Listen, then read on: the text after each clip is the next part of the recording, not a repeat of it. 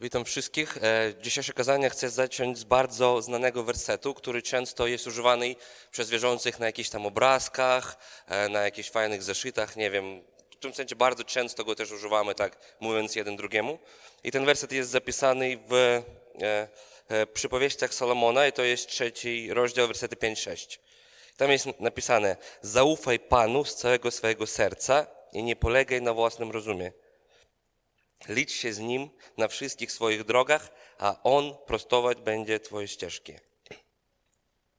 I są to bardzo ważne słowa, które znamy, używamy, ale tak naprawdę de facto często jakieś swoje decyzje podejmujemy używając tylko własnej logiki, własnego rozumu, e, e, jakichś własnych przemyśleń.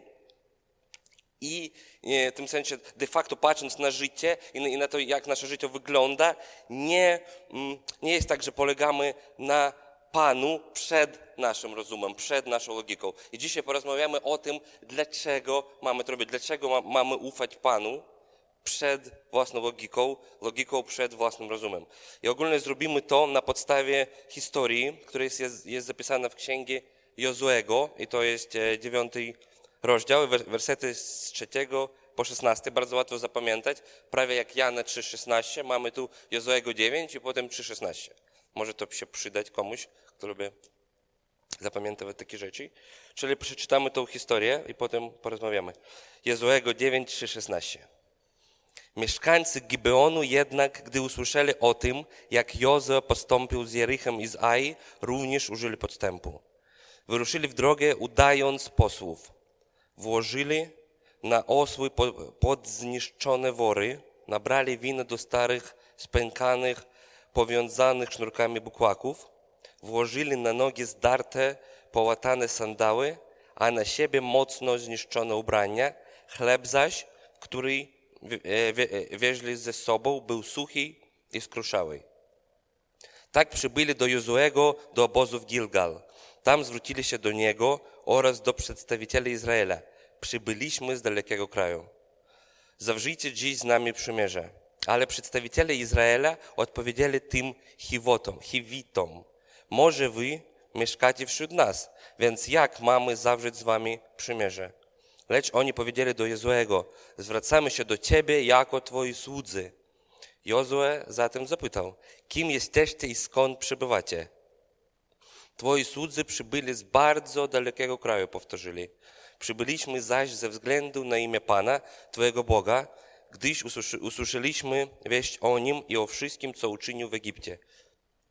Usłyszeliśmy też o tym, co uczynił obu królom amoryckim za Jordanem, to jest Sychonowi, królowi Heszbonu i Ogowi, królowi Baszanu, panującemu niegdyś w Asztarot.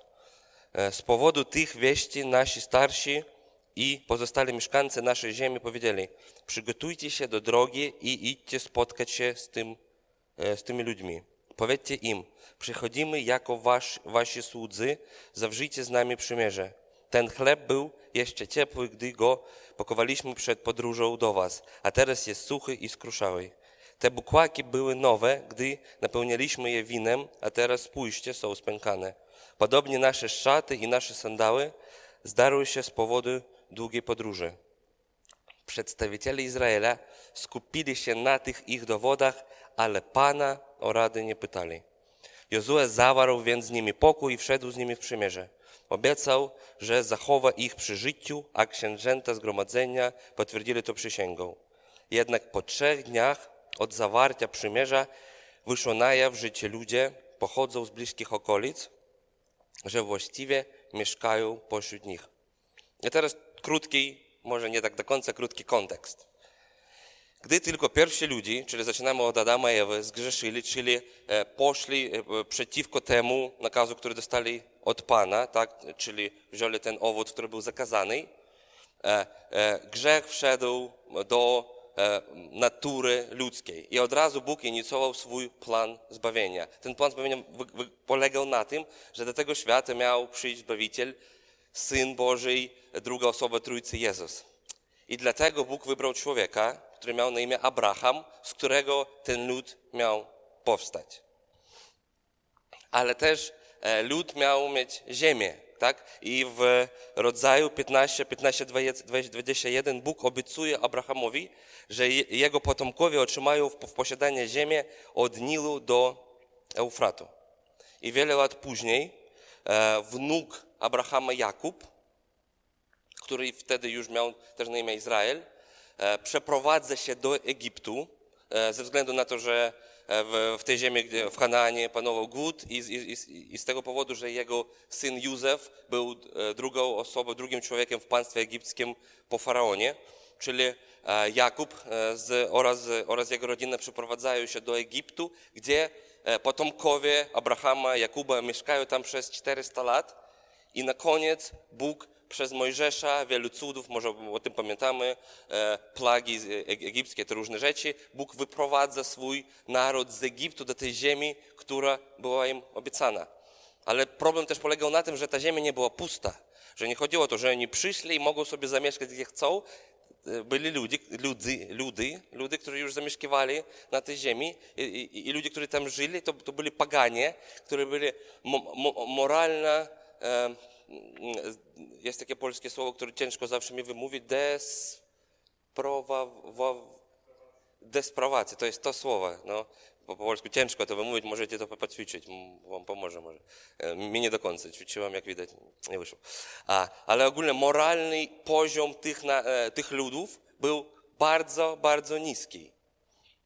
Ale Bóg chciał, żeby jego naród był oddzielony, żeby jego naród mógł, mógł przygotować się do przyjścia Mesjasza, do przyjścia Jezusa i dlatego ten, ten naród nie mógł się mieszać z tymi poganami. I dlatego Bóg powiedział, że Izraelici mają e, pozbyć się, e, zniszczyć wszystkie narody, które, które zamieszkiwali w Kanaan, żeby tego złego wpływu na Izrael nie było. I przeczytana e, przez nas historia wydarzyła się wkrótce po tym, jak Izrael przekroczył Jordan i już podbił Jericho i, i podbił Aj. I, I taka prawda, że ludzie, którzy tam zamieszkiwali, kiedy zobaczyli, że coś się dzieje, że ludzie, którzy przyszli z, z Egiptu, Izraelici, że mają taką, jest taka potęga z nimi, że naprawdę robią niesamowite rzeczy, bo Jericho miało e, wielkie ściany i nikt nie myślał, że jeden tydzień już tego Jericha nie ma. E, kiedy królowie tej ziemi zobaczyli, że naprawdę jest niebezpieczeństwo dla nich, to oni zawarli sojusz militarny, celem którego było e, obronić swoją ziemię i zniszczyć Izrael. Ale mieszkańcy miasta Gibeon zdecydowali iść inną drogą.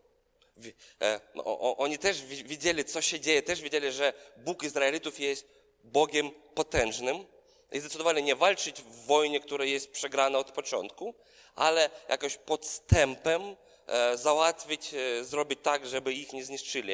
I dlatego w tradycjach najlepszych filmów szpiegowskich imi, imi była inicjowana taka operacja którą powiedzmy się nazywała pułapka Gibeonu, celem której tej operacji było oszukać Izraelitów, e, zrobić wszystko, żeby Izraelici uwierzyli, że te Gibeonici nie mieszkają na ziemi obiecanej przez Boga, a przyszli skądś z daleka. Dlatego użyli wszystkich najlepszych technologii, które mieli, może to nie było jakoś zaawansowane dla nas, dla nich to było na pewno. I, i mieli trzy dowody, które mieli pokazać Izraelitom, Jozue i przywódcom narodu izraelskiego, że przyszli z daleka. Czyli to były ubrania, mm, jedzenia i naczynia. I przygotowali wszystko i przyszli do Izraelitów. A z drugiej strony w tej historii widzimy lud izraelski, który e, w krótkim czasie, niedługo, w tym sensie on przeszedł przez, to, to było bardzo świeże było to, że oni przy, weszli do tej ziemi obiecanej, nie byli tam jakoś zbyt długo, podbili na razie tylko Jer, Jericho i Aj i jeszcze cała ziemia była przed nimi. Cała ziemia była do wzięcia i, i to pokolenie, które we, e, we, weszło do ziemi obiecanej, to było to pokolenie, które e, naprawdę przez całe życie widziało te cudy Boże, przez całe życie widziało to e, Boże, Bożą pomoc, kiedy oni byli w pustyni, kiedy Bóg dawał im jedzenie, dawał im picie, e, kiedy Bóg się troszczył o nich w ponadnaturalny sposób. I tu oni w tym momencie historii, e, jak już mówiłem, już jest, Jericho jest podbity, a jest podbity I oni spotykają ludzi, którzy wy- wygląda, że przyszli skądś z daleka. I, I chcą zawrzeć z nimi sojusz, e, przymierze, tak e, w tym sensie, że e, chcą być ich przy- przyjaciółmi, możemy tak powiedzieć. I Izraelici nie byli jakieś głupi. To nie, nie wyglądało tak, a, chcecie zawrzeć z nami sojusz militarny, przyszliście z daleka, oczywiście, ufamy wam, bo tak wyglądacie, że wam można ufać. Spoko, możecie, możemy być BFF, e, najlepsi przyjaciele na zawsze. Tak nie było. No, I, widzimy to w tej historii, że kilka razy e, Jozue pyta, skąd mamy wierzyć, że przyszliście z daleko? Z daleka. Skąd, skąd mamy wierzyć, że nie mieszkacie tu pośród nas? Czyli to nie chodziło o to, że Izraelici byli jakieś głupi, i nie myśleli, że ktoś może ich oszukać. Nie. Rozumieli to i dlatego zadają te pytania. I kiedy Gibeonici przedstawili swoje dowody i mówią, zobaczcie nasze ubrania, nasze jedzenie, nasze naczynie, wszystko to wskazuje na to, że przyszliśmy skąd z bardzo, bardzo, bardzo dalekiego kraju, o którym nigdy wy nie słyszeliście, to jest za daleko dla was nawet, że, nawet żeby o tym myśleć. I wtedy izraelski kontrwywiad, możemy tak powiedzieć, zaczął ba- badać te wszystkie argumenty. Wzięli ich jedzenie, o, niedobre, widać, że naprawdę, naprawdę już dużo czasu minęło z tego czasu, jak e, ten chleb był upieczony. I Zobaczyli ich ubrania, wyglądali tak okropnie, naczynia, bukłaki, wszystko. W tym sensie zbadali wszystko, użyli całą mądrość, całą logikę, w tym sensie wszystko, co mieli, tak naprawdę poza jedną rzeczą, o której e, jest napisane w 14 wersecie. Przedstawiciele Izraela skupili się na tych ich dowodach, ale Pana o radę nie pytali. I nie pytali Pana o radę nie dlatego, że im nie zależało, co tam Bóg myśli, a dlatego, że wydawało mi się, że, że sytuacja jest na tyle oczywista, na tyle wszystko było zrozumiałe, że myśleli, no po co w tym sensie, no, no wszystko widać, no już użyliśmy wszystkiego, co mamy, zbadaliśmy ich dowody i przez to wszystko, no widać, że naprawdę przyszli z daleka. Gdyby to była inna sytuacja, gdyby byli jakieś wrogowie, którzy przyszli, oni by, Boże, pomóż nam, Twój lud e, e, jest w niebezpieczeństwie, ochroń nas.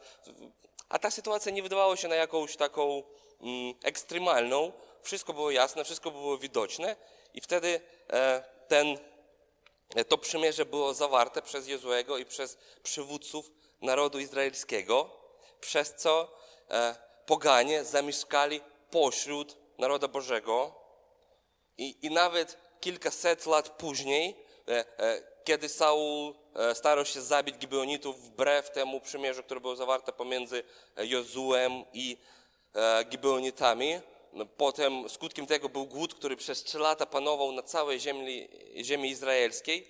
I, żeby, to, żeby ten głód przestał, Dawid musiał zabić chyba siedmiu potomków e, Saula. Czyli taka decyzja, która wydawała się jakaś nieważna tak naprawdę i też, która wydawała się, że jest taka, wszystko takie było oczywiste, miała skutki tak naprawdę długoterminowe. I nazywam to pułapkę Gibeonu. Pułapka Gibeonu to podjęcie decyzji wyłącznie na własnej mądrości i rozumie. To założenie, że człowiek ma prawo i potrafi sam, bez konsultowania się z Bogiem, decydować o swojej przyszłości, o ile sytuacja nie wydaje mu się skomplikowaną. Problemem pułapki Gibeonu jest błędne założenie, że człowiek może i tak naprawdę ma prawo samodzielnie decydować o swojej przyszłości. E, W 1 Koryntian 6, 19, 20 apostoł Paweł pisze, czy nie wiecie, że wasze ciało jest przybytkiem Ducha Świętego, który jest was i którego macie od Boga, oraz że już nie należycie do siebie samych, gdyż za ogromną cenę zostaliście kupieni. Życie każdego człowieka, który przyjął Chrystusa jako swojego Pana i Zbawiciela, nie należy już do Niego. Nasze życie należy do Chrystusa, a decyzje, które podejmujemy, muszą przynosić Mu chwałę i być zgodnie z Jego wolą. Nie mamy prawa opierać naszych decyzji wyłącznie na własnych gustach, na własnych preferencjach, na własnej logice i zdrowym rozsądku. Nie tylko dlatego, że czasami nie mamy wystarczająco logiki albo nie mamy wystarczająco mądrości, ale też dlatego, że nasze życie nam nie należy. Nie, mamy decydującego głosu w sprawie tego, jak nasze życie ma wyglądać, w jakim kierunku nasze życie ma iść. I w efekcie, opierając się na własnej mądrości, logice, pragnieniach, e, pokazujemy wszystkim, że sami wiemy, jak ma nasze życie wyglądać.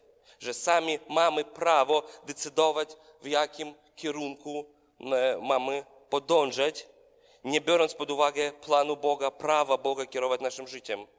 I możemy powiedzieć, że e, pierwsi ludzie, którzy wpadli w pułapkę Gibeonu, to byli Adam i Ewa. E, wierząc argumentom węża i nieposłuszni temu nakazowi, który dostali od Boga. Nawet jeśli te argumenty węża wydawały mi się, że były sensowne, nic im nie przeszkadzało, żeby doczekać się, kiedy Bóg by kolejny raz przyszedł do sadu w Edemie i powiedzieć, Bóg, to, co ty powiedziałeś, rozumiemy, ale mamy jakieś kontrargumenty od węża. On mówi, że to ten, ten owoc da nam takie możliwości. Czy to ma sens? Co chcesz powiedzieć w tym temacie? Nic takiego nie było. Oni usłyszeli argumenty węża, to ich przekonało i sami zdecydowali, że mają prawo sami podjąć taką decyzję, skutkiem czego oni i, ich, i, i wszyscy ich potomkowie, czyli ja i każdy z nas teraz byliśmy urodzeni jako niewolnicy grzechu. Pułapka Gibeonu to proklamacja, że ja sam wiem, co jest najlepsze dla mojego życia, że mam prawo decydować, jak moje życie będzie wyglądało. I są tak naprawdę dwa rodzaje decyzji. Są decyzje rutynowe i są decyzje na rozdrożu, kiedy decydujemy, w jakim kierunku nasze życie ma e, się potoczyć. I codziennie podejmujemy dziesiątki rutynowych decyzji. Decyzji, co zjeść na śniadanie, e, w co się ubrać, czy zrobić zakupy w Lidlu, bo mam aplikację, jest fajna, czy w Biedronce, dlatego że e, jest taniej, ale może nie jest aż tak pięknie. I, i, i wiele innych decyzji, które w tym sensie to, to jest normalne. I mówiąc o takich decyzjach, nie mówię, że każdy raz musimy się zastanawiać, w tym sensie musimy szukać specjalnego Bożego objawienia. Boże, powiedz mi, e, gdzie mam zrobić dzisiaj zakupy i czekam. I Bóg pokazuje przez jakieś znaki Biedronka, bo tam dzisiaj jest promocja na Schabowej. Raczej nie. Raczej nie o to mi chodzi. E, w takich decyzjach, w decyzjach rutynowych, w decyzjach, które podejmujemy, codziennie, e, każdy z nas, chciałbym radzić, żeby każdy z nas e, korzystał z takiej zasady. Trzymaj się blisko Boga. Kochaj Boga i spędzaj z Nim czas. Jeśli kochamy Boga, we wszystkim pragniemy czynić Jego wolę. Im bliżej jesteśmy Boga, im więcej czasu spędzamy z Bogiem, tym bardziej rozumiem Boga, Jego charakter, Jego wolę. I tak jest też na przykład w relacjach między mężem i żoną. To jest dobra ilustracja. Moja żona Marta zna nawet nie, nie pytając mnie, często zna moje, moje opinie na ten czy inny temat, dlatego że e, spędzamy dużo czasu razem, dlatego że przeszliśmy przez wiele różnych doświadczeń, dlatego że kochamy siebie nawzajem i, i dlatego nie, nie muszę cały, cały, cały czas pytać mnie o jakieś rzeczy, na przykład co chcesz na obiad, wie co ja lubię, wie i może to przygotować nie pytając i wie, że ja, że to będzie dobre, e, dobre rozwiązanie. Czyli ta zasada e, stosownie tych decyzji rutynowych działa tak. Im więcej czasu spędzamy z Bogiem, im więcej mm, rozumiemy Boga, Jego charakter, tym więcej rozumiemy mm, Jego wolę. I, spokojnie możemy funkcjonować w tym. Kochamy Boga i robimy wszystko dla ku Jego sławy. Ale też są decyzje, e, kiedy jesteśmy na rozdrożu i nie wiemy, w jakim kierunku iść. Decyzje, które wiadomo będą mieli E, skutki na, na nasze życie, które e, będą miały wpływ, w jakim kierunku nasze życie się potoczy. Jak możemy decydować o takich rzeczach. I często decydując o naszej przyszłości, i to jest troszeczkę smutno, często opieramy się tylko na własnym rozumie, doświadczeniu, mądrości, preferencjach, nawet nie myśląc, że Bóg może mieć inny plan dla naszego życia. I próbując wyobrazić sobie swoją przyszłość, często, mam nadzieję, że nie zawsze, ale często przedstawiamy ją w terminach zgodnych tym, jakby to zrobili ludzie, którzy nawet nie znają Boga, nie kochają Boga i nie są Jego dziećmi. Marzymy o tym, żeby na przykład trafić z początku na studia, skończyć, mieć dobrą pracę, e, dobrą żonę, kupę kasę. To, to wszystko są dobre rzeczy. Nie mówię, że, że to są złe rzeczy, ale marzy, myślimy, wyobrażając sobie swoją przyszłość, myślimy, że każdy musi mieć takie życie. No to jest normalne. Mieć dobrą pracę, do, dużo kasy, do, fajny dom, e, wielki telewizor, żeby oglądać Netflix, albo może nie Netflix, e, nie, nie wiem, co jeszcze można oglądać M jak miłość. O, na przykład M jak miłość, tak? W Polsce jest popularne. Też takiego słyszałem. Nie, oglądałem nigdy jeszcze. Ale może kiedyś, jak będę miał wielki telewizor. To wtedy. I, I to są wszystko ważne rzeczy, ale ogólnie jak mamy decydować o takich rzeczy, o rzeczach? Jak mamy zrozumieć, w czym jest Boża wola? Studia, praca, męż, żona, w jakim mieście mieszkać, do jakiego kościoła, z jakim kościołem mieć społeczność. I oczywiście przy takich decyzjach wciąż obowiązuje zasada trzymaj się blisko Boga i będziesz rozumieć Jego wolę, bo to jest podstawowa zasada. Im więcej czasu z Nim spędzamy, tym lepiej Go rozumiemy. Ale takie decyzje też e, na rozdrożu, oni wymagają bardziej szczególnego zastanawiania się na tym, e, jaka opcja bardziej uwielbia naszego Pana. My A, nie mamy wystarczająco mądrości, i B, tak naprawdę nie mamy prawa decydować o, o swoim życiu, o swojej przyszłości, tylko patrząc na, na, nasze preferencje, tylko patrząc na to, czego my bardziej chcemy. Jak w praktyce mogę decydować o, o rzeczach tak ważnych, uwzględniając przy tym Jego wolę? Jak mogę, podejmując decyzję, gdzie studiować, pracować, mieszkać, część jakiego kościoła być, e, z kim wziąć ślub i innych, uwzględniać przy tym wolę Bożą do naszego życia? Czy za każdym razem potrzebuję objawienia specjalnego przy podjęciu takich decyzji? Czy za każdym razem muszę się pościć i czekać, że jakaś ręka, najlepiej Boża, na ścianie mi napisze e, idź do Politechniki Poznańskiej albo nie bierz z nią ślub, bo nie jest dobra osoba. Czy to jest rozwiązanie? To jest e, teraz pytanie retoryczne, tak? Odpowiednie. E, Każda taka decyzja, kiedy jesteśmy na rozdrożu, e, przede wszystkim ma być podjęta na podstawie modlitewnego zjednoczenia się z Bogiem. Bo nie chodzi tylko o podjęcie najbardziej logicznej decyzji. Musimy otworzyć się na to, żeby słuchać Boga. Musimy się otworzyć na to, żeby być na, jednej fali z Bogiem. Czyli się modlimy e, o, o to przewodnictwo. Modlimy się, żeby e, my byliśmy czujni na to, co, co Bóg chce nam powiedzieć. I kolejnym krokiem to będzie przetestować tą decyzję według Słowa Bożego. Według tego objawienia, które już mamy. Często szukamy jakichś objawień ponadnaturalnych, ale już jest jedno objawienie, które jest przede wszystkim ponadnaturalne, bo jest od Boga, już jest u każdego z nas i często nie uwzględniamy to i tylko szukamy jakichś znaków. Już to objawienie dla nas od Boga już jest i patrzymy na, na decyzję, którą mamy podjąć i myślimy, jaki wpływ będzie miała ta decyzja na mój proces uświęcenia. Jak jest napisane pierwsze Tesaloniczyn 4.3, wolą Boże jest wasze uświęcenie, powstrzymanie się od nierządu. Jaki wpływ będzie miała ta decyzja na sposób, w jaki będę dzielić się Ewangelią i czynić innych uczniami Jezusa. Mateusza 28, 19, 20, tak? Te, te, ten znany werset o wielkim posłannictwie. Jaki wpływ będzie miała ta decyzja na sposób, w jaki usługuje w Kościele swoimi duchowymi darami. 1 Piotr 4,10. Każdy niech usługuje pozostałym tym darem łaski, który otrzymał jako dobry powiernik różnorodnej w swoich przejawach łaski Boga.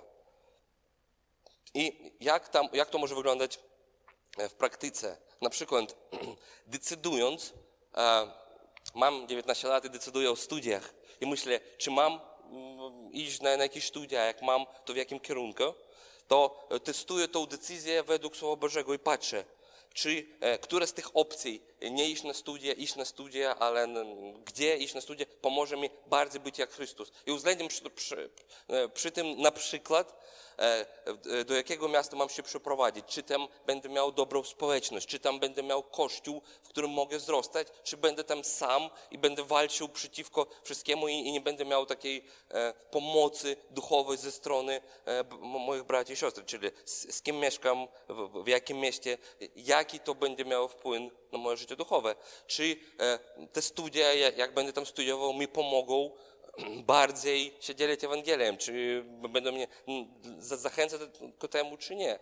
Też, czy te studia pomogą mi rozwijać moje dary duchowe. W tym sensie, każdy z nas, kto, kto kocha Jezusa, kto przyjął Go jako swojego Zbawiciela, ma dary duchowe. I te dary duchowe, a musimy imi służyć, ale też musimy ich rozwijać.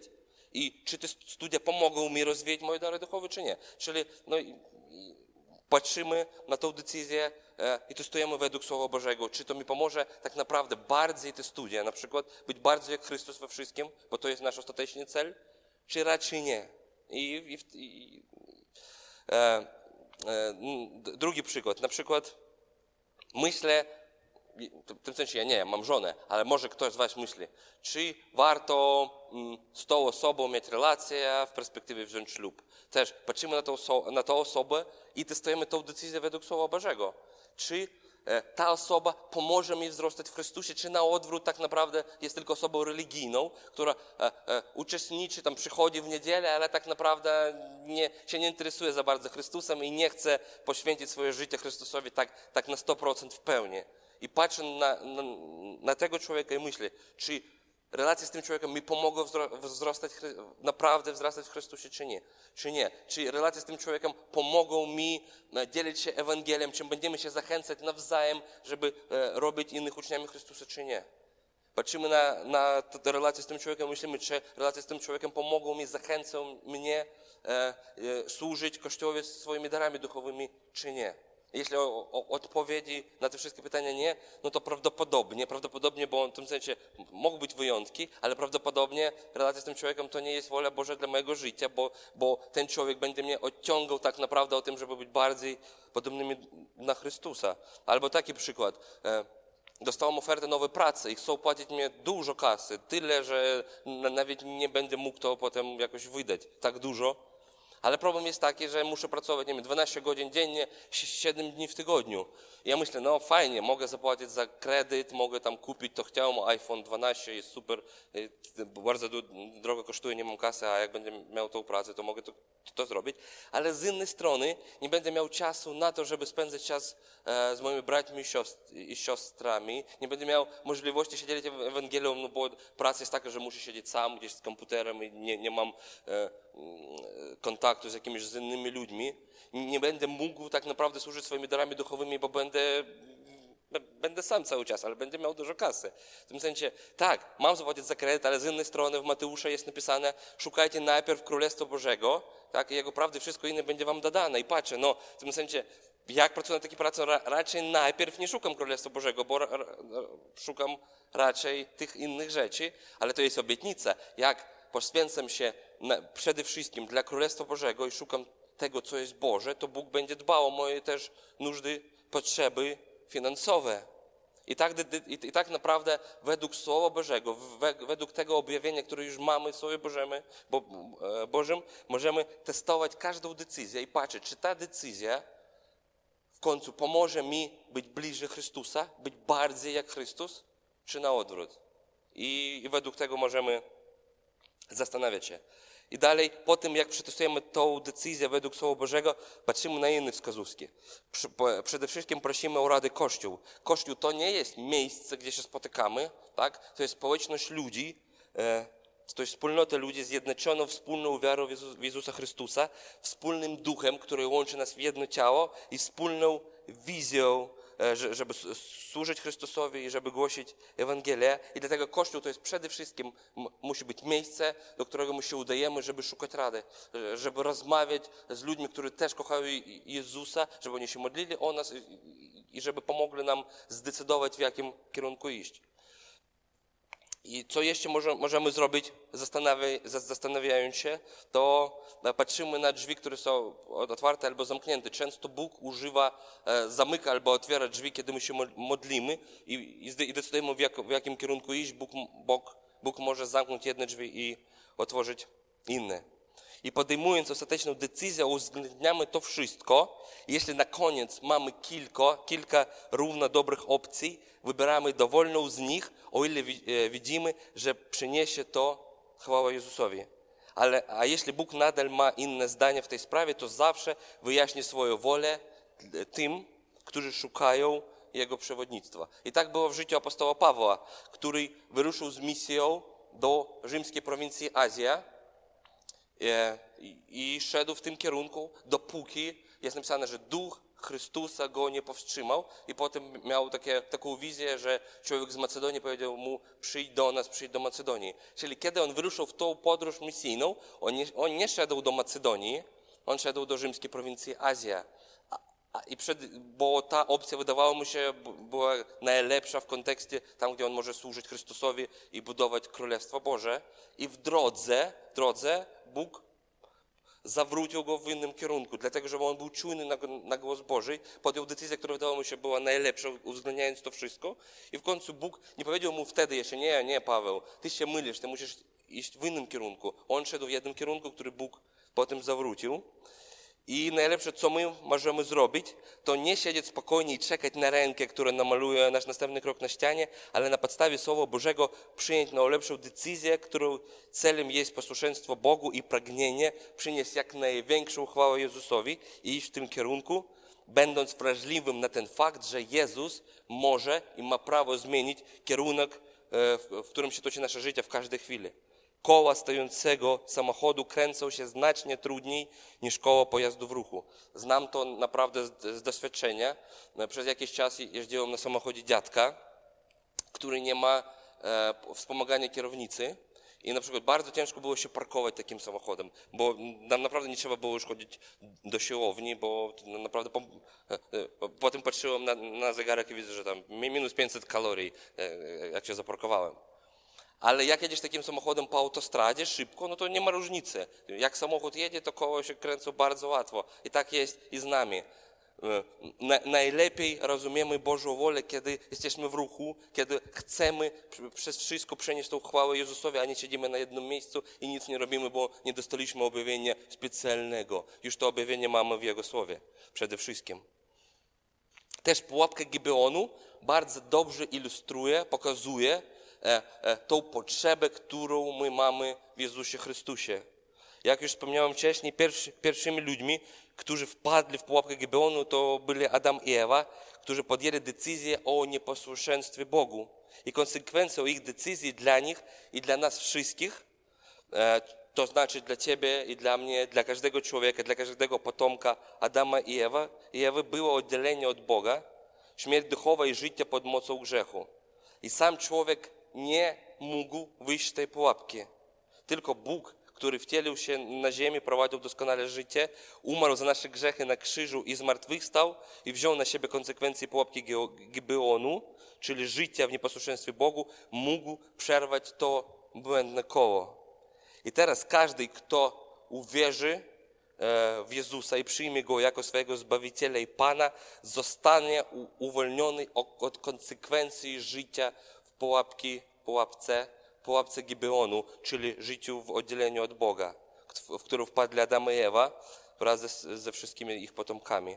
Zamiast tego osoba idąca za Jezusem nie będzie już niewolnikiem grzechu, ale będzie miała życie wieczne w obecności Boga tu na ziemi i dalej wieczności. I na koniec tego kazania mam dla każdego z nas wyzwanie. Jeśli jeszcze nie pojednałeś się z Bogiem i, wci- i wciąż żyjesz, niesiesz te konsekwencje pułapki Gibeonu, w którą padli Adam i Ewa, e, przyjmij ofiarę Jezusa za swoje grzechy. Przyjmij Jezusa jako swojego Zbawiciela i Pana. Oddaj Mu swoje życie i ciesz się z Jego obecności.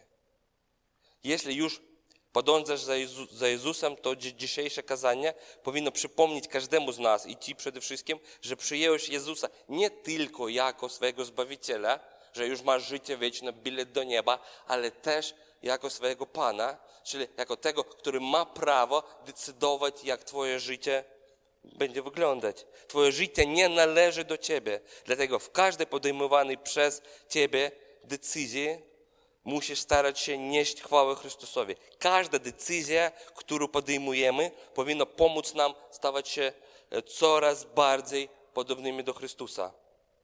Teraz pomyśl, jaką, de- ja- jaka decyzja zbliży się w Twoim życiu? Mniejsza albo może większa? I zacznij dzisiaj o nią modlić. Testować tę decyzję według Słowa Bożego. Przyjdź do, do społeczności, na, na swoją grupkę, porozmawiaj o tej decyzji. Szukaj rady ludzi, których kochają Jezusa. Szukaj rady Kościoła i, i szukaj w tym posłuszeństwa Jezusowi. Nasze życie należy do Chrystusa. Niech będzie to widoczne w każdej podejmowanej przez nas decyzji. Amen.